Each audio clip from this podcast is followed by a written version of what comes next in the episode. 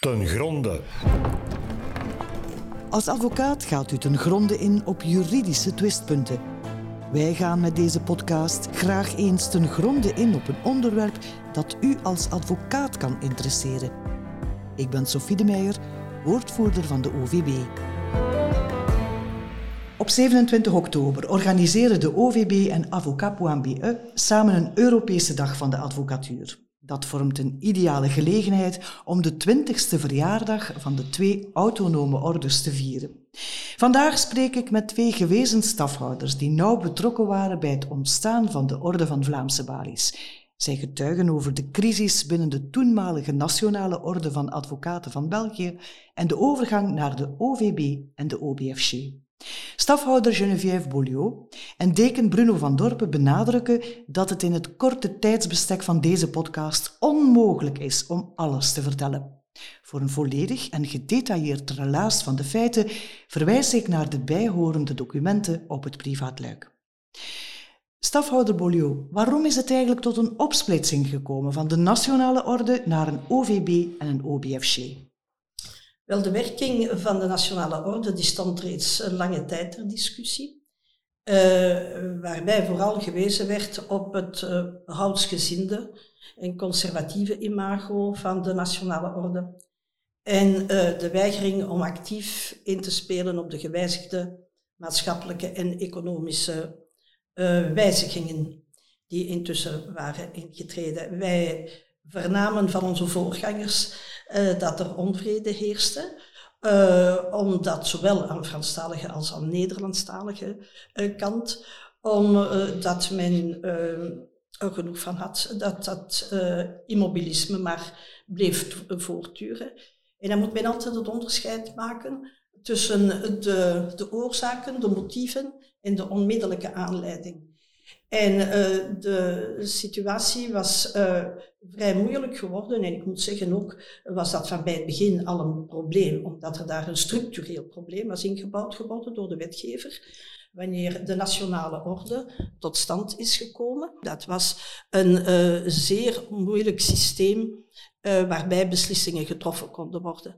Dat had te maken met uh, dubbele meerderheden, zowel in de taalgroepen. Dus een eerste ronde moest dan worden georganiseerd voor de stemmingen, langs weerskanten, meerderheid in de twee taalgroepen. En dan daarna was er nog eens een gewogen uh, meerderheid voor um, het geheel van de aanwezigen.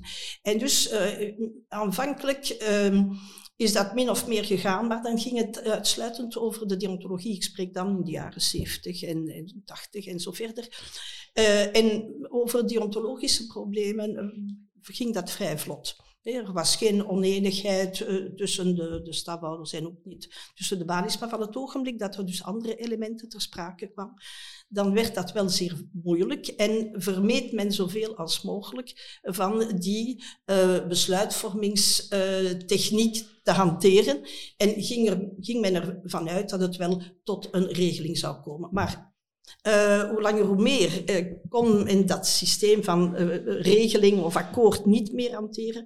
Eens dat er natuurlijk andere onderwerpen ter sprake kwamen. Wanneer dat van sociale, economische aard was, dan werd dat hoe langer hoe moeilijker. Resultaat grote onvrede in de, de nationale orde. Ik, zoals ik zei, ook in beide taalgroepen. En dan in de taalgroepen onderling. Ook uh, grote balies, kleine balies, de belangen waren niet dezelfde. En um, ja, zoals ik zei, je hebt eerst de oorzaken. Dus de, oorzaak was dat het, het systeem om beslissingen te nemen uh, zeer ingewikkeld was. Maar dan heb je ook de motieven. Om welke reden is het dan op een bepaald ogenblik verkeerd gelopen? Wel, er was al jarenlang een probleem met de uitbetaling van de vergoedingen aan de stagiairs voor de rechtshulp wat men toenmalig de, de Prodeo-gelden noemde. En elk jaar was dat een weerkerend probleem, uh, omdat men het niet eens was over uh, de manier van rapportering. En telkens werd dat dan verzonden naar een commissie en dan telkens werd dat dan toch maar uitbetaald, ook al werden die controles niet gedaan. En ja, uh, uiteindelijk uh, heeft men gezegd, zo kan het toch echt niet verder. En dat was dan de onmiddellijke aanleiding, maar daarbij, was er ook heel de sfeer rond de Dutroux-zaak die op dat ogenblik natuurlijk ook uh, het, het, het, land hier in roer heeft gezet. Dus dat was een zeer uh, moeilijke situatie. En de, de nationale orde was daar toch bijzonder stil in geweest, bijzonder stilzwijgend. En dat heeft uh, vele advocaten werkelijk uh, geraakt, omdat zij vonden dat zij geen stem hadden, niet aanwezig waren en dat zij daar dan toch hun taak niet hadden verricht zoals dat hoort. Ja, um, was er dan eigenlijk ruzie binnen de nationale orde of lag het anders? Of punten waarop men niet meer voldeed? Was het eerder dat? Ja, het was, was eerder dat. Ja. Er gebeurde weinig. Hè. Dat is hetgeen wij altijd van onze voorgangers hoorden. Uh, ja, er gebeurt weinig. Maar dat had ook te maken door die, die situatie eh, waarbij de, de, de, de besluitvorming moest gebeuren. En dat was zeer zwaar en zeer lastig. En dat werd met de, met de jaren werd dat hoe langer moeilijker. onderwerpen werden dan aangesneden, gingen naar een commissie, kwamen terug, maar er kwam geen, geen oplossing. Mevrouw Boulieu, ik blijf nog even bij u. Als u zegt er was onvrede over bepaalde zaken, hoe is het dan eigenlijk tot de splitsing zelf gekomen? Ja, uh, wel, dat, heeft, dat heeft toch wel wat voeten in de aarde gehad. Dat is niet zo meteen gebeurd, want er zijn veel besprekingen gebeurd uh, over de moeilijkheden, waaronder natuurlijk dat, uh, die verdeling van de, van de Prodeo-gelden. dat verliep als volgt dus. De Nationale Orde kreeg een, een envelop, een opslag, waarin dus zich een aanzienlijk bedrag bevond, dat dan moest worden uitgedeeld door de Nationale Orde aan de diverse balies dan op hun beurt ervoor zorgden dat dat terecht kwam bij, bij de stagiairs. En uh, in dat bewuste jaar dan, in 97, uh, waren de stafhouders het niet meer eens met het feit dat men die controles altijd uitstelde. En uh, er was eerst overeengekomen dat er dan toch wel 70% zou uitbetaald worden, maar dat er een controle zou komen voor het saldo van 30%. En uh, ja, zeer tot de verbazing van, van de stafhouders, is uh, de deken dan uh, op dat ogenblik overgegaan tot de, tot de betalingen zonder dat er enige controle was geweest. En sommige controles wezen toch al uit dat er moeilijkheden waren in bepaalde balies, waar er zelfs helemaal geen uh, volledige boekhouding was, een slechte rapportering. En hij is dan overgegaan zonder de, zonder de, want hij had daartoe niet de, um, de bevoegdheid om dat te doen. De bevoegdheid behoorde bij de stafhouders. En uh, zonder uh, dus aan iemand wat te vragen, heeft hij dan die 30% uitbetaald. En dan is er een initiatief gekomen. En dan hebben wij gevonden dat dat echt niet kon. Uh, hij had de bevoegdheid niet om dat te doen. Uh, het was tegenspraak met hetgeen overeengekomen was. Het was nog het ergste van allemaal. Want hij was erbij bij die kleine werkvergadering toen er gezegd werd, we gaan dat controleren, hoe gaan we het doen, enzovoort en zo verder. Ja, is dat dan niet nagekomen? En dan zijn, uh, zijn de Vlaamse stafhouders samengekomen en gezegd, ja, dat gaan wij niet accepteren. En wij vinden dat de deken en zijn, maar de deken vooral en zijn bestuur uh, dus uh, moeten vertrekken. En dan is er een motie neergelegd geworden, waarbij maar, men vroeg dat zij zouden vertrekken. Maar de Franstaligen waren het daar niet mee eens. Maar voor alle duidelijkheid, op dat moment spreken we nog niet over de orde van Vlaamse Oh nee, nee, nee, nee, nee. Op dat ogenblik spreken we nog op helemaal niets. Gewoon de dertien stafhouders die het erover eens zijn dat men op die manier niet kan functioneren. En die komen dan samen. En uh, die komen dan samen met Schavenwezel. En uh, die uh, maken dan een verklaring op om te zeggen, ja, dit gaan wij niet accepteren. Wij wensen niet dat de, dat de deken zo verder gaat. En wij wensen uh, voornamelijk ook in de toekomst dat er inspraak zou zijn. Wij willen andere type van advocatuur, die meer gericht is op de rechtszoekende, niet alleen op de beroepsregels, want tot dan toe was dat uitsluitend het onderwerp, maar ook uh, gericht is op de rechtszoekende, dat wij een stem hebben in het debat en tot hiertoe, in het maatschappelijk debat. Tot hiertoe was dat niet het geval. En uh, bijvoorbeeld met de Dutroux-zaak was dat een van de discussies. Hè. Gaat de Bali standpunt innemen over zo'n belangrijke aangelegenheid? En um, ja, de deken vond dat dat niet onze taak was. En wij vonden dat er een evolutie was geweest in de maatschappij, een evolutie in de advocatuur, en dat wij dat absoluut moesten doen. En dat de rechtszoekende, dat die voorop moest staan en dat het niet meer uitsluitend over onze beroepsregels moest gaan. Er was de fameuze verklaring van Schravenwezel en die leidde tot een oprichting van een Vlaamse tak, als ik het goed begrepen heb. No, dat is niet zo snel gegaan, alhoewel we zeggen uh, het allemaal wel tamelijk snel tot stand is gekomen. Maar vanaf dat ogenblik uh, zijn die stafhouders vaak samengekomen, maar de nationale orde bestond nog. En dan hebben zij ja, langzamerhand gezien dat er geen wil was om een verandering, tot een verandering te komen. En dan zijn zij beginnen vergaderen. Zo is het gegaan. En die, die dertien stafhouders die stonden wel allemaal op dezelfde, op dezelfde golflengte. Dat was het geheim van het verhaal. Er waren geen dissidente uh, stemmen bij die Vlaamse stafhouders. Die zijn dus regelmatig samengekomen en hebben regelmatig iets ontworpen. En dat was dan de Vereniging van Vlaamse Balis.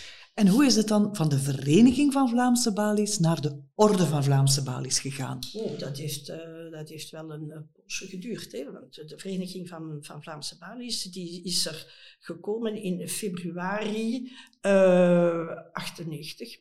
Is die tot stand gekomen. Dan zijn al die raden van orde aan Vlaamse kant zijn ze dan samengekomen en hebben zij beslist de vereniging op te richten. Die vereniging, uh, wij hebben dat niet alleen gedaan, wij zijn daarin bijgestaan geworden door mensen die perfect wisten op welke manier dat dat ook diende georganiseerd worden, hoewel wij samen wel wisten wat we wilden. Wij wilden meer inspraak van de advocaat, eh, meer een groter democratisch gehalte. En uh, wij wilden zo een soort uh, parlement tot stand brengen, want wij waren toch eens gaan kijken naar Nederland. En uh, wij hadden veel contacten met de, met de Nederlandse orde, die kwamen soms al eens naar België en wij gingen naar daar. En die hebben ons dan ook wel uitgelegd op welke manier het bij hen functioneerde. En dat vonden we dan wel een vrij goed systeem, hoewel we dat niet letterlijk hebben overgenomen, zo is het niet gegaan. Wij wensten aanvankelijk een hele grote inspraak van de, van de advocatuur, minder van de lokale balis. En um, ja, uh, uiteindelijk is dat, uh, het resultaat is wel geweest dat dat een beetje afgezwakt is geworden. Want het was al een hele grote sprong die we genomen hadden. Hey, we hadden gezegd, geen nationale orde meer, die koppel die moet verdwijnen. En ja, uh, de lokale balis, ja, de stafhouders hadden natuurlijk hun inbreng en hun nut. Maar enfin, wij hebben dat dus wel behoorlijk willen afzwakken.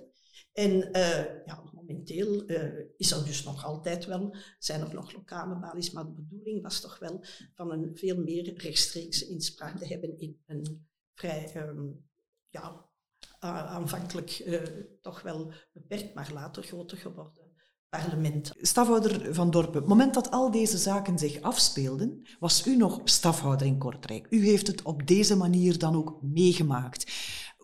Kunt u nog zich herinneren er was eerst de VVB. Hoe is het naar de opsplitsing in OVB en OBFC gegaan? Ja, de opsplitsing. in feite heeft de wetgever de bestaande toestand gelegaliseerd. De VVB is opgericht kort of zes maanden na de, nadat de nationale orde was gekapseist. Toen was ik ook nog altijd stafhouder. Ik was een van de stafhouders die mee de VVB heeft opgericht. Dus die VVB, en kort nadien heeft, werd de OBFG opgericht. En uiteindelijk heeft de wetgever, nog twee jaar later, het gerechtelijk wetboek hervormd. En in de plaats van de Nationale Orde kwamen er twee nieuwe autonome ordes, de Orde van Vlaamse Balies en de OBFG. maar met dit belangrijk verschil wat de bevoegdheid betreft, dat nu wel de maatschappelijke problemen en het belang van de rechtsonderhorige en de rechtsstaat ter sprake kwamen. De wetgever in 1967 heeft, denk ik terecht, op dat ogenblik geoordeeld dat die delicate kwesties die in feite nou aansluiten bij de politiek, uh, niet konden in handen gegeven worden van een log uh, instrument als de nationale orde. En ik wil toch even in dat verband herhalen wat ik toen heb uitgesproken en geschreven, kort na de crisis, en namelijk op 24 oktober 1997 aan de advocaten van Kortrijk. Velen voor ons zijn tot de vaststelling gekomen dat de Nationale Orde van de Advocaten van onvoldoende slagkracht getuigt in gevolge voornamelijk structurele factoren. En een beeld dat ik gebruik, maar de idee is niet nieuw. Het is een mooi ogend schip dat voorzien is van een zeer zwakke motor, twee onafhankelijke roeren en drie krachtige remmen. Op een ogenblik dat de nationale orde schip, schipbreuk leed, hebben de Vlaamse stafhouders het als hun plicht aanzien de toestand te deblokkeren en niet nog tien jaar rondjes te varen. Ik blijf daar altijd achter staan. Dat is natuurlijk niet gedetailleerd. Ik kan dat verder uh, detailleren als u dat wenst. Ja, nu uh, de nationale orde, de laatste nationale orde, daar was u dan wel de deken van. Dus u heeft die boedelscheiding en die opsplitsing van heel nabij meegemaakt. Hoe verliep dat? Hoe, wat moest er allemaal gebeuren? Uh, de verheffening is begonnen kort na de crisis. Dus toen deken Joseph Michel nog altijd deken was. Maar er gebeurde niets meer, tenzij een aantal wettelijke zaken. En toen is heel uh, het kaderpersoneel vertrokken. Zijn ze ontslagen, hebben ze niet ontslagen, dat weet ik niet. Ik denk dat ze vertrokken zijn. Want aanvankelijk waren er 15 personeelsleden. Ik heb vastgesteld als ik deken werd dat er nog zeven waren die uitvoerende taken hadden. Er was geen algemeen directeur meer. Er moest dan een nieuwe deken en vice-deken gekozen worden en twee secretarissen. Ik ben daaruit gekomen. Ik heb onmiddellijk aanvaard. Het is een dienst aan de balie. Het is niet omdat er crisis is dat iedereen moet wegvluchten. Dus ik ben in een zekere zin eh, kapitein geworden van een schip dat gekapseist was. Dat was zo. Kort nadien werd de VVB opgericht en onmiddellijk nadien is er een protocolakkoord tot stand gekomen op initiatief van oud-dekens en oud-stafhouders, vier in totaal, en waarin de maatregelen werden genomen om het schip drijvend te houden.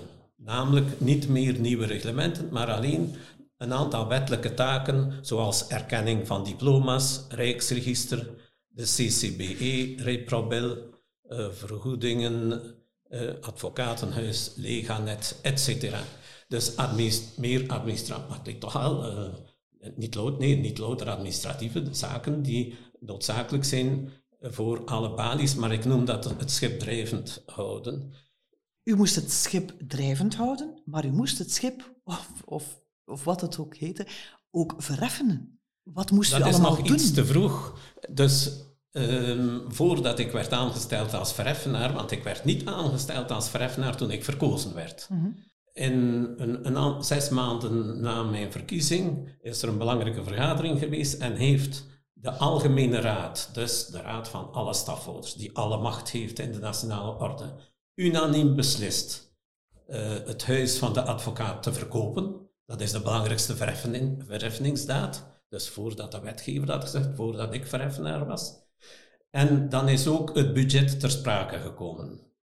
Dat is niet unaniem goedgekeurd. Er waren twee budgetten. Eén van was zo voorzien in het protocolakkoord, eh, dus met de minimumvoorwaarden eh, dat zowel een eh, advocaat of een stafhouder van de Franstalige balies als van de Nederlandstalige balies een budget zou indienen, mogelijk met onderling overleg en akkoord, maar dat was er niet. Er waren twee verschillende budgetten. Ik heb de, aan de alarmbel getrokken om te zeggen, wij moeten in elk geval het personeel verder betalen, want we hebben geen middelen meer. Want dat is een misdrijf, ook voor een rechtspersoon. Toen is er gestemd geweest over die twee uh, budgetten. En dat is uh, buiten Gent en Namur. Heeft, dat hebben de Vlaamse, de Vlaamse stafhouders en de Franstalige stafhouders anders gestemd. Voor mij was dat een blokkering van de stemming. Uh, partage des voix in het Frans. En eigenlijk gelukkig stond er in de wet een oplossing voor dat probleem. Bij staking van stemmen is de raadgevende stem van de deken doorslaggevend. Dus uw stem? Mijn stem.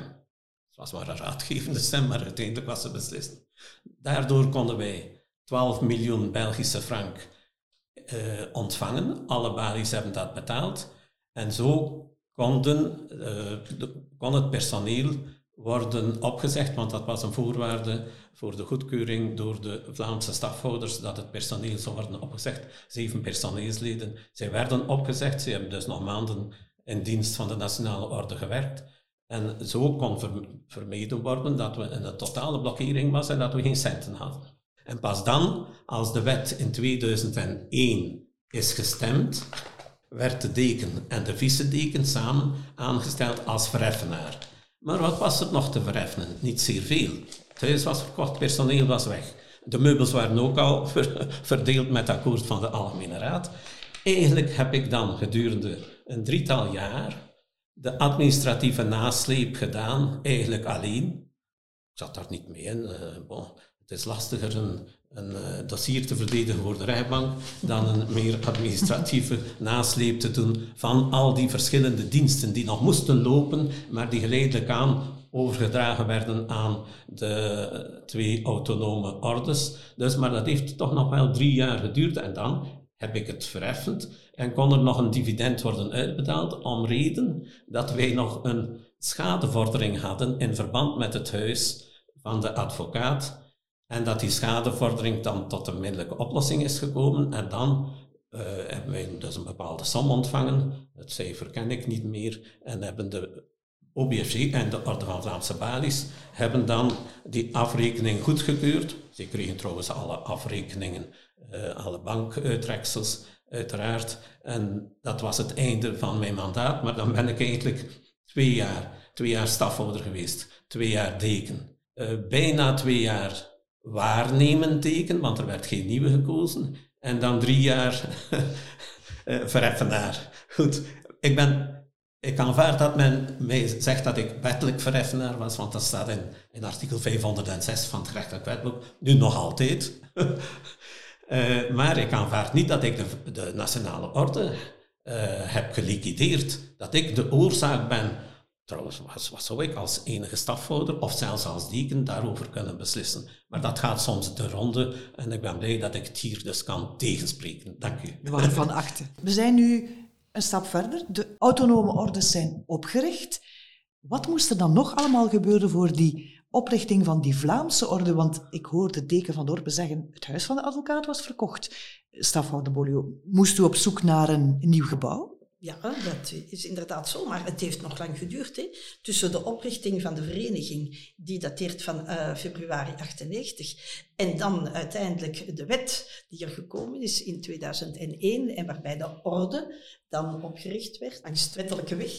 Dat heeft nog een, een poos geduurd. Maar dan op het ogenblik uh, dat het huis verkocht werd van de Nationale Orde, dat er geen personeel meer was, dat er geen budget meer werd gestemd, dan heeft um, de voorzitter van de commissie uh, Justitie van de Kamer, en dat was toen uh, Fred Tertman, die het probleem zeer goed kende. Hij was zelf een gewezen stafhouder.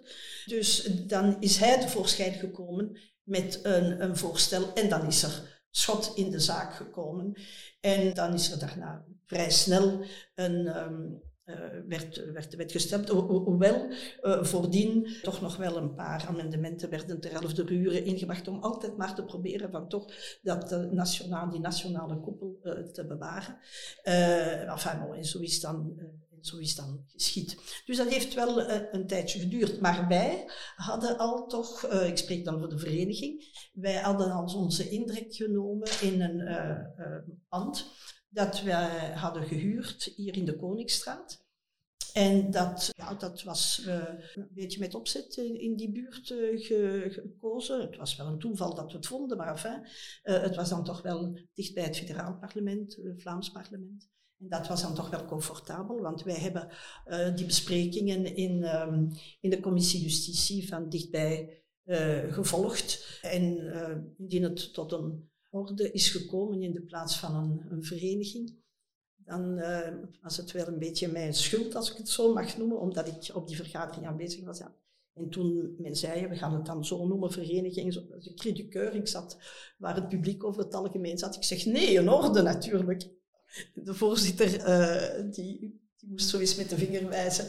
Maar uh, zo is het dan toch uh, geworden. Het is een, een orde geworden. En zowel als aan weerskanten natuurlijk. Oké, okay, u had een gebouw. U had een naam. Moesten er nog dingen gebeuren? Ja, er is personeel aangeworven geworden. Uh, in het begin één enkele iemand. Uh, die altijd uh, bijzonder um, dienstwillig is geweest en die de zaken heeft gerund, die uiteindelijk secretaris-generaal is geworden van, van de Orde van Vlaamse Banis. En dat, we hebben dat dan uitgewerkt, personeel bijgenomen enzovoort enzovoort ook. Van bij het begin hebben wij departementen gecreëerd. En aan het hoofd van elk van die departementen zat dan een bestuurder. Vrij snel is ook aanvankelijk pas Gent er niet bij, maar dat waren persoonsgebonden redenen. Maar zeer snel is Gent erbij gekomen, in, in 2000 al, toen we nog in de vereniging zaten. En uh, dan zijn er departementen gecreëerd geworden en aan het hoofd daarvan een bestuurder die verantwoordelijk was. En dat heeft zeer snel een heel uh, grote dynamiek ontwikkeld. Want wij zijn zeer snel vooruit gegaan en hebben over alles. we zijn in, het, in, de, in de openbaarheid gekomen, in de, in de media. En, dus datgene wat we hebben verweten aan de nationale orde, dat hebben we meteen in gang gezet. Ja. Ik hoor een zekere tevredenheid bij u alleszins. Daarnet heeft u er al even op gealludeerd, Teken van Dorpen. Ook u hoor ik toch een zekere tevredenheid weergeven als u zegt van als u terugblikt op twintig jaar, was het nu een goede beslissing om op te splitsen in twee ordes. Voor mij is het de enige mogelijke beslissing geweest om een werkzame orde te hebben. Ik heb niet, nadien heb ik niet uh, meer alle activiteiten gevolgd. Pas op, ik ben jaren toch ook lid geweest van de Algemene Vergadering Eerst van de VVB en dan van de OVB. Dus dat heb ik ook meegemaakt. En niet alles wordt direct beslist, maar het functioneerde tenminste. Mijn overtuiging was altijd, en mijn hoop, maar het was meer een overtuiging, ja, dat eens die, uh, blokkerings, dat blokkeringsrisico bestaat, dat het dan beter zal functioneren. U moet ook goed beseffen, wij zitten niet in een regeringspositie waar men kan onderhandelen, daarna, daarna, en een compromis kan bereiken over deontologie. Dat, en dat, dat zou onzinnig zijn. Men kan de deontologie niet aanpassen en zeggen, we gaan dit uh, aanvaarden en, en dan moeten jullie dat aanvaarden. Dus dat is heel stroef, het is ja of het is nee. En ik geloof, ik meen te weten, maar Anderen zijn daar beter voor geplaatst.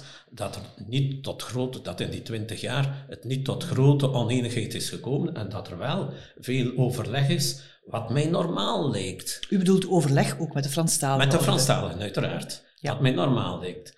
Uh, goed, men had dat reeds ervaren in, bij de splitsing van de uh, Brusselse Bali in twee ordes. Goed, dat is weer een specifiek geval, maar men spreekt met elkaar. Hè. Ja, wij zijn tegenstrevers voor de rechtbank, dat gaat heftig, maar nadien uh, kunnen we normaal met, met elkaar communiceren. Waarom zouden wij uh, niet met Franstaligen spreken? Dat is voor mij altijd duidelijk geweest. Ook voor u, stafhouder Bolio, blij dat het gelopen is zoals het gelopen is uiteindelijk? Um, ja, zeker. Uh, ieder heeft het gedaan volgens zijn eigen benadering. Wij hebben het gedaan in een andere, bredere structuur en de Franstaligen hebben het op hun manier gedaan. Eh, maar wat belangrijk is, dat is dat men zich goed voelt in de manier waarop men zelf zijn beslissingen uh, neemt. En ik denk dat dat het geval is. Ik heb absoluut geen weet uh, van grote discussies of fundamentele oneenigheden. Ik heb daar niets over gehoord. van mijn kant ehm, vind ik dat we aan de Nederlandstalige kant, misschien ook niet aan Vlaamse kant tenminste, niet ver genoeg zijn kunnen gaan. Maar dat is ook omdat je altijd compromissen moet maken. Niet iedereen uh, ziet de zaken op dezelfde manier. En ik had ook misschien toch wel minder inspraak van de lokale balis gewenst om meer eenheid te bekomen. En, maar ja, het was al een hele grote sprong. Het was al een aardbeving in de advocatuur. En uh, ik denk dat men trapsgewijs moet, uh, functioneren. En dat zal er misschien wel komen, want uh, met de fusies van de balis die er dan gekomen zijn, Daarna, in plaats van 14, er zijn ook nog acht palies, uh, heeft men daar toch wel een ervaring in kunnen opbouwen om te zien dat het ook mogelijk is dat anderen met u samen beslissen in een, uh, in een andere context dan zo echt Bali gebonden. En misschien komt dat er nog wel. Hè? Daarom moet dat niet uh, gepaard gaan met de verdwijning van een, van een orde, maar gewoon met een, met een aanpassing. Alle dingen moeten uh, aangepast worden. De evolutie van de maatschappij, de evolutie van de Bali, uh, die toch ook wel heel, heel groot is tegenwoordig. En dus ik denk dat dat nog wel zal komen. Maar voor het overige denk ik dat het een zeer goede beslissing was die er eindelijk is gekomen. Dank u wel. U heeft allebei een heel mooie kijk geboden op het verleden en op het ontstaan twintig jaar geleden van wat nu nog altijd de Orde van Vlaamse Balies is. Dank u wel, stafhouder Bolio. Dank u wel, Deken van Dorpen. Dank u. Voilà.